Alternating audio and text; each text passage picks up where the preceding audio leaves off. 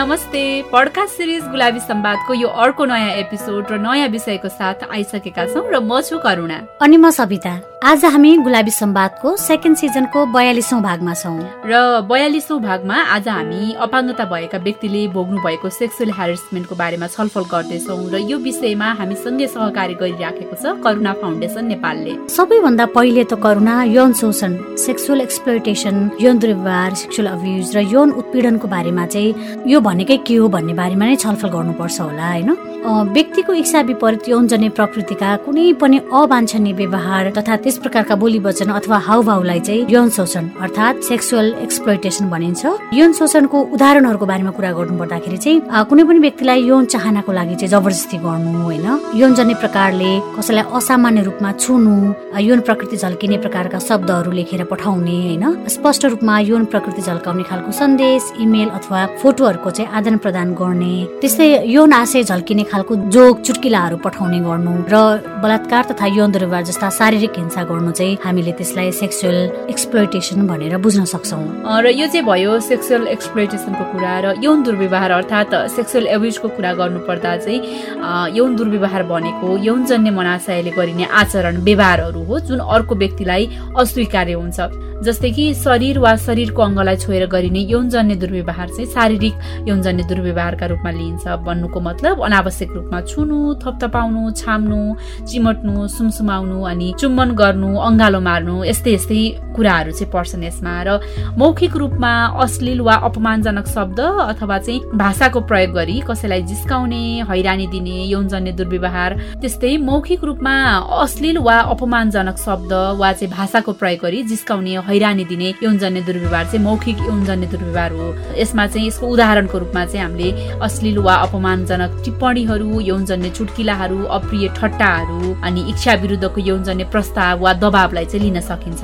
त्यस्तै करुणा जस्तो लिखित रूपमा शब्द भाषा अथवा चित्रको प्रयोग गरेर फोटोको प्रयोग गरेर गरिने यौनजन्य दुर्व्यवहार चाहिँ लिखित रूपमा गरिने यौनजन्य दुर्व्यवहार हो। जस्तै यसमा चाहिँ कस्तो कुराहरू हुन सक्छ भने अश्लील वा कामुक खालको तस्विर अथवा लिखित सामग्रीहरू प्रदर्शन गर्ने यौन सम्बन्धी सामग्री वितरण गर्ने अश्लील वा कामुक चलचित्र देखाउने अश्लील सूचना एसएमएस इमेल आदान प्रदान गर्नु चाहिँ यो भित्र पर्छ भने अर्को चाहिँ हाउभाउ अथवा सङ्केतको प्रयोग गरेर गरिने कुनै पनि खालको यौनजन्य दुर्व्यवहार चाहिँ साङ्केतिक यौनजन्य दुर्व्यवहार हो जस्तै घुरेर हेर्नु होइन कसैलाई सुसेली बजाउनु अनि आँखा झिम्काउने अथवा आँखा जुधाउने यौनजनित अश्लील इसारा अथवा हाउभाउ गर्ने जिब्रो पड्काउँछ नि मान्छेले यी सबै कुराहरू चाहिँ यौन दुर्व्यवहारभित्र पर्छन्।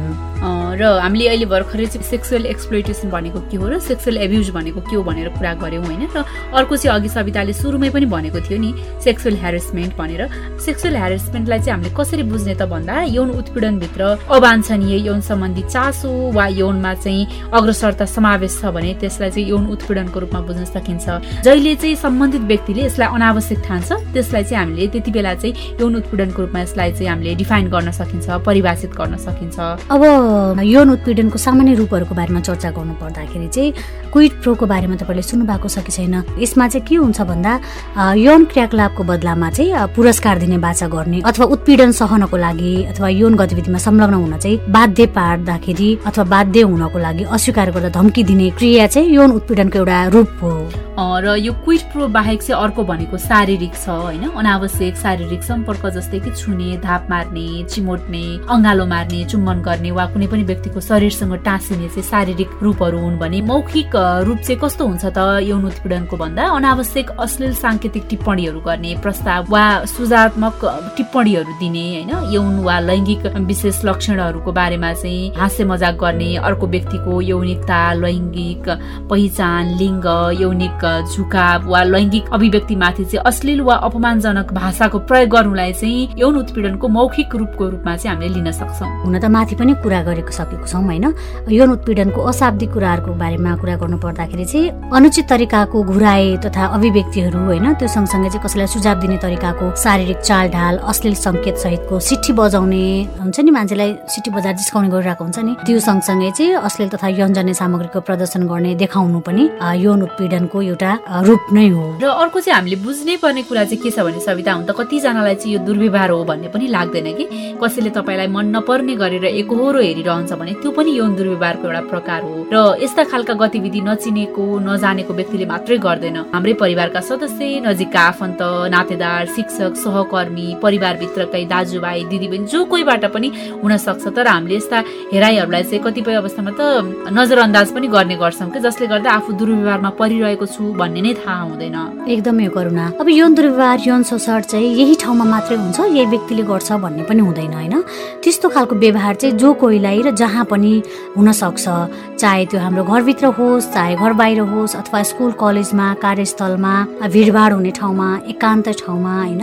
कतै बाटोमा यात्रा गर्दाखेरि सवारी साधनहरूमा हिँड्दै गर्दाखेरि पनि हामीले त्यस्तो खालको यौन दुर्व्यवहारहरू भोगिरहेको हुन्छौँ। मानिसले हामीलाई दुर्व्यवहार गरिरहेको हुन्छ।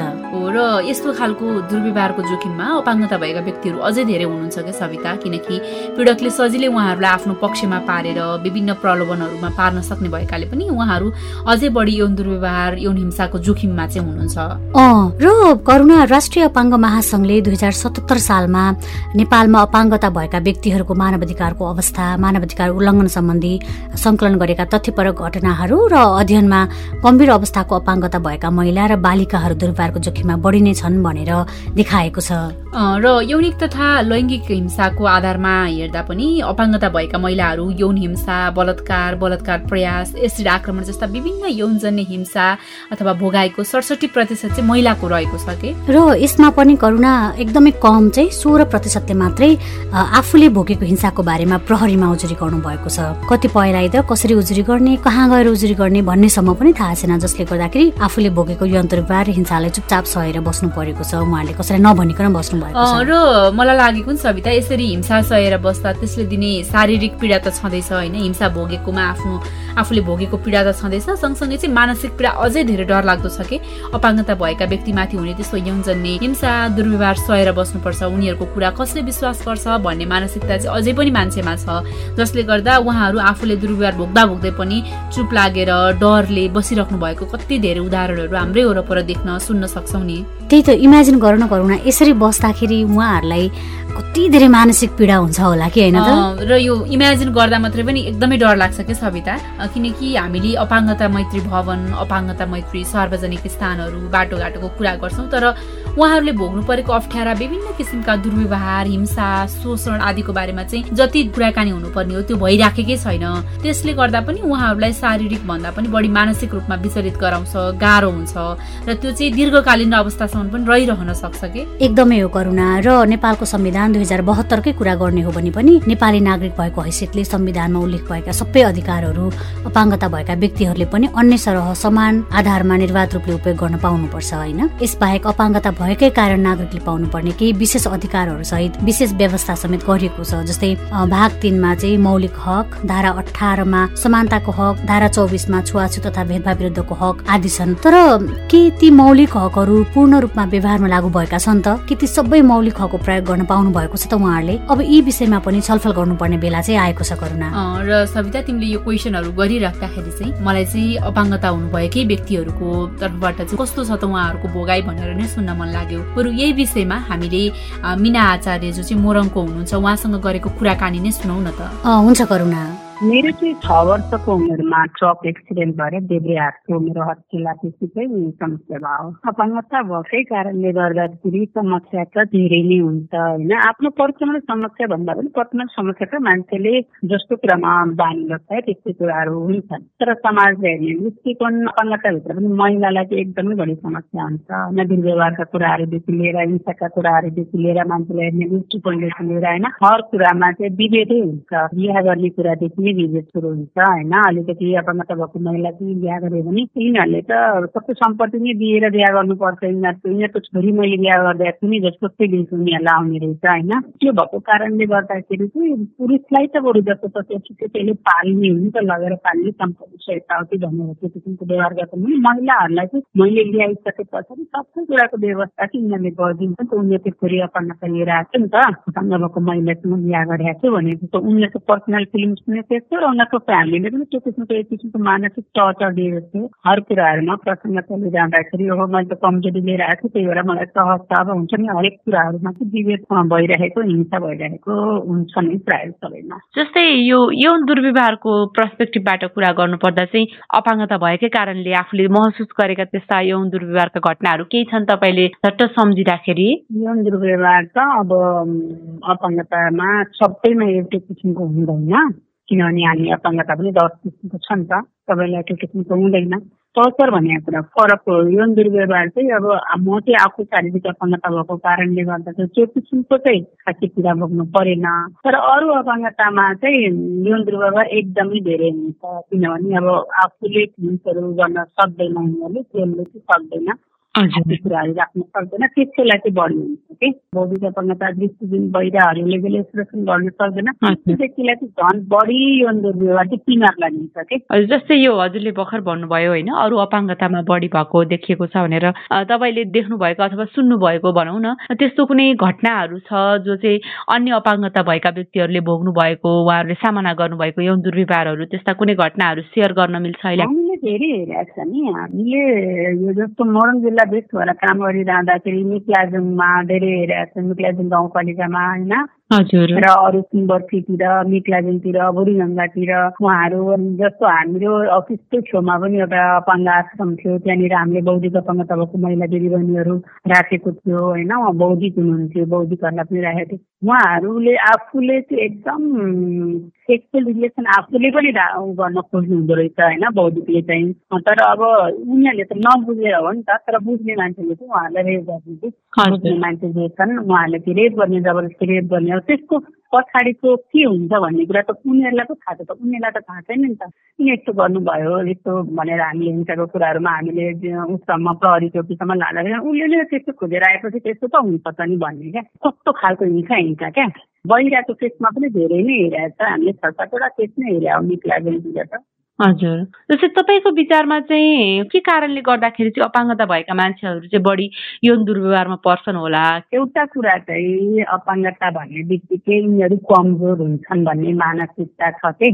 समाजमै पनि त्यो किसिमको कति धेरै छ भने पुरुषहरूमा विशेष गरी यिनीहरू अपाङ्गहरूमा कमजोरी छ। यिनीहरूलाई जे गरे पनि हुन्छ। यिनीहरूको कुरा कसले सुन्छ र अनि यिनीहरूको कुरा कसले सुन्छ र यिनीहरूको कुरा कसले बुझ्छ र भन्ने किसिमको एक किसिमको हेपाइट प्रवृत्ति पनि हो। एउटा कुरा त सचेतना नै नभएर पनि कति कुराहरू गरिरहँदा कति कार्यक्रमहरू गरेर अरूको कुराहरू कति हाइलाइट गर्छन् मिडियाले तर अपाङ्गताको कुरा त एकदमै कम हाइलाइट गर्छन् त होइन। अपाङ्ग थियो यस्तो थियो अनि यस्तो भयो।